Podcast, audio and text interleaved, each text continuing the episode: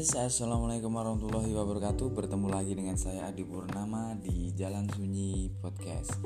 Ya teman-teman, Alhamdulillah akhirnya kita bisa bertemu kembali setelah sekian lama ya Setelah sekian lama. Ya mungkin hampir tiga minggu atau bahkan bisa sebulan ya. Uh, Aku sendiri juga nggak update tentang podcast, obrolan apa pun itu gitu ya. Ya mungkin sedang disibukkan oleh beberapa aktivitas dan teman-teman juga mungkin tahu alhamdulillah bulan kemarin tanggal 14 Maret 2021 saya resmi menjadi seorang suami alhamdulillah ya teman-teman dan di episode kali ini aku ingin ngebahas atau enggak ngebahas sih sebenarnya ingin sharing aja ke teman-teman e, tentang perasaan grogiku ketika di malam pertama menjadi seorang suami. Oh iya sebelum ke situ uh, sampai sampai lupa aku. Gimana nih uh, kabar dari teman-teman? Semoga kabar dari teman-teman tetap sehat terus ya. Amin amin amin. Nah balik lagi kita ngebahas atau kita sharing tentang gimana pengalamanku atau rasa grogiku di malam pertama menjadi suami. Nah kalau teman-teman mungkin udah pernah sering mendengar atau baca gitu ya tentang malam pertama dan malam pertama ini kan identik dengan juga pengantin baru. Pengantin baru uh, melakukan malam pertama gitu. Nah kalau kita sudah mendengar kata malam pertama pasti yang ada di pikiran kita adalah uh, berhubungan suami istri pasti pasti seperti itu. Nah, namun di podcast episode kali ini episode ke-21 ini aku sih inginnya sebenarnya nggak terlalu membahas rinci tentang itu cuman aku ingin membahasnya yang lain gitu ya nah perasaan grogi ini aku rasakan ketika kalau teman-teman tahu perasaan grogi dan nervous ini muncul ketika uh, aku dan istri sedang melakukan sholat maghrib ya itu di ya di hari pertama sebenarnya Eh, setelah sah menjadi suami istri. Nah, waktu itu kita sholat maghrib, tepat sholat maghrib berjamaah gitu ya. Di situ aku bener-bener grogi karena aku takut bahwa takut lupa gerakan. Eh kalau lupa gerakan nggak lupa gerakan. Lupa jumlah rokaatnya terus lupa bacaannya gitu. Takut aja gitu tuh. Gak tau kayak nervous aja grogi aja kayak perasaan wah nanti kalau salah gimana ya salah gimana ya. Karena itu adalah bener-bener ya di situ berjamaah sholatnya. Aku yang jadi imam dan istriku jadi makmum gitu. Yang biasanya sholat itu dilaksanakan sendiri gitu kan.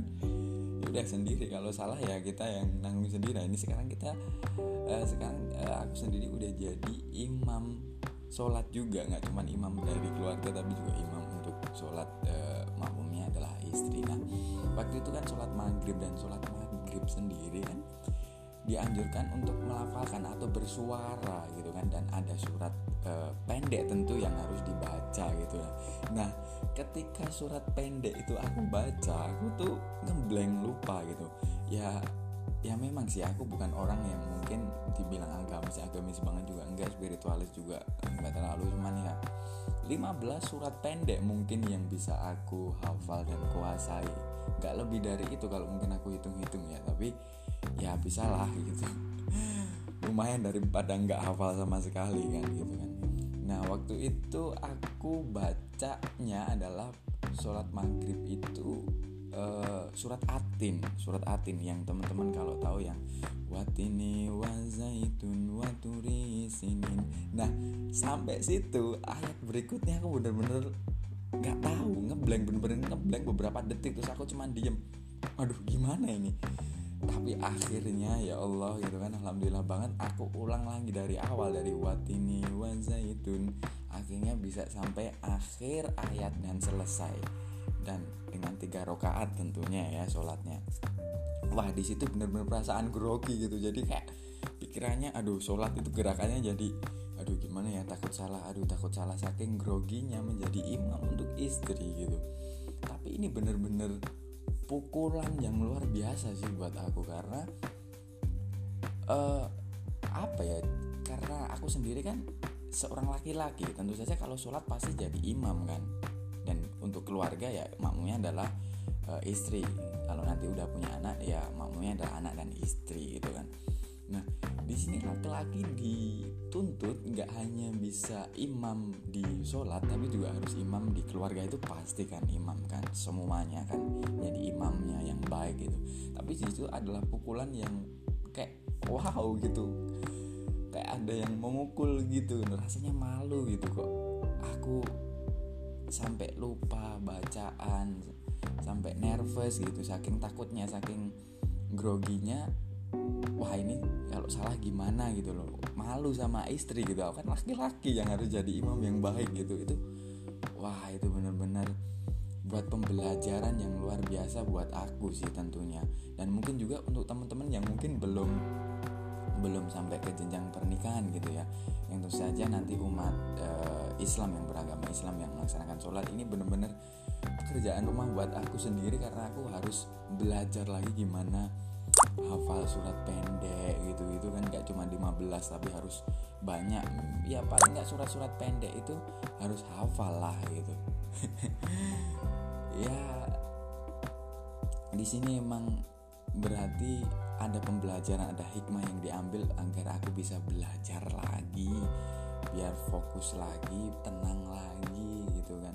Nggak usah malu nggak usah grogi udah jadi istri udah jadi suami dan ada istri di situ yang jadi makmum. Tapi bener-bener itu aku ada perasaan grogi sampai aku habis sholat itu kan. Biasa kan salaman suai istri cium cium tangan aku cium keningnya habis sholat uh, luar biasa. Tapi aku bilang aduh maaf ya aku bener-bener grogi aku nervous jadi imam. Itu yang aku ungkapkan setelah selesai sholat.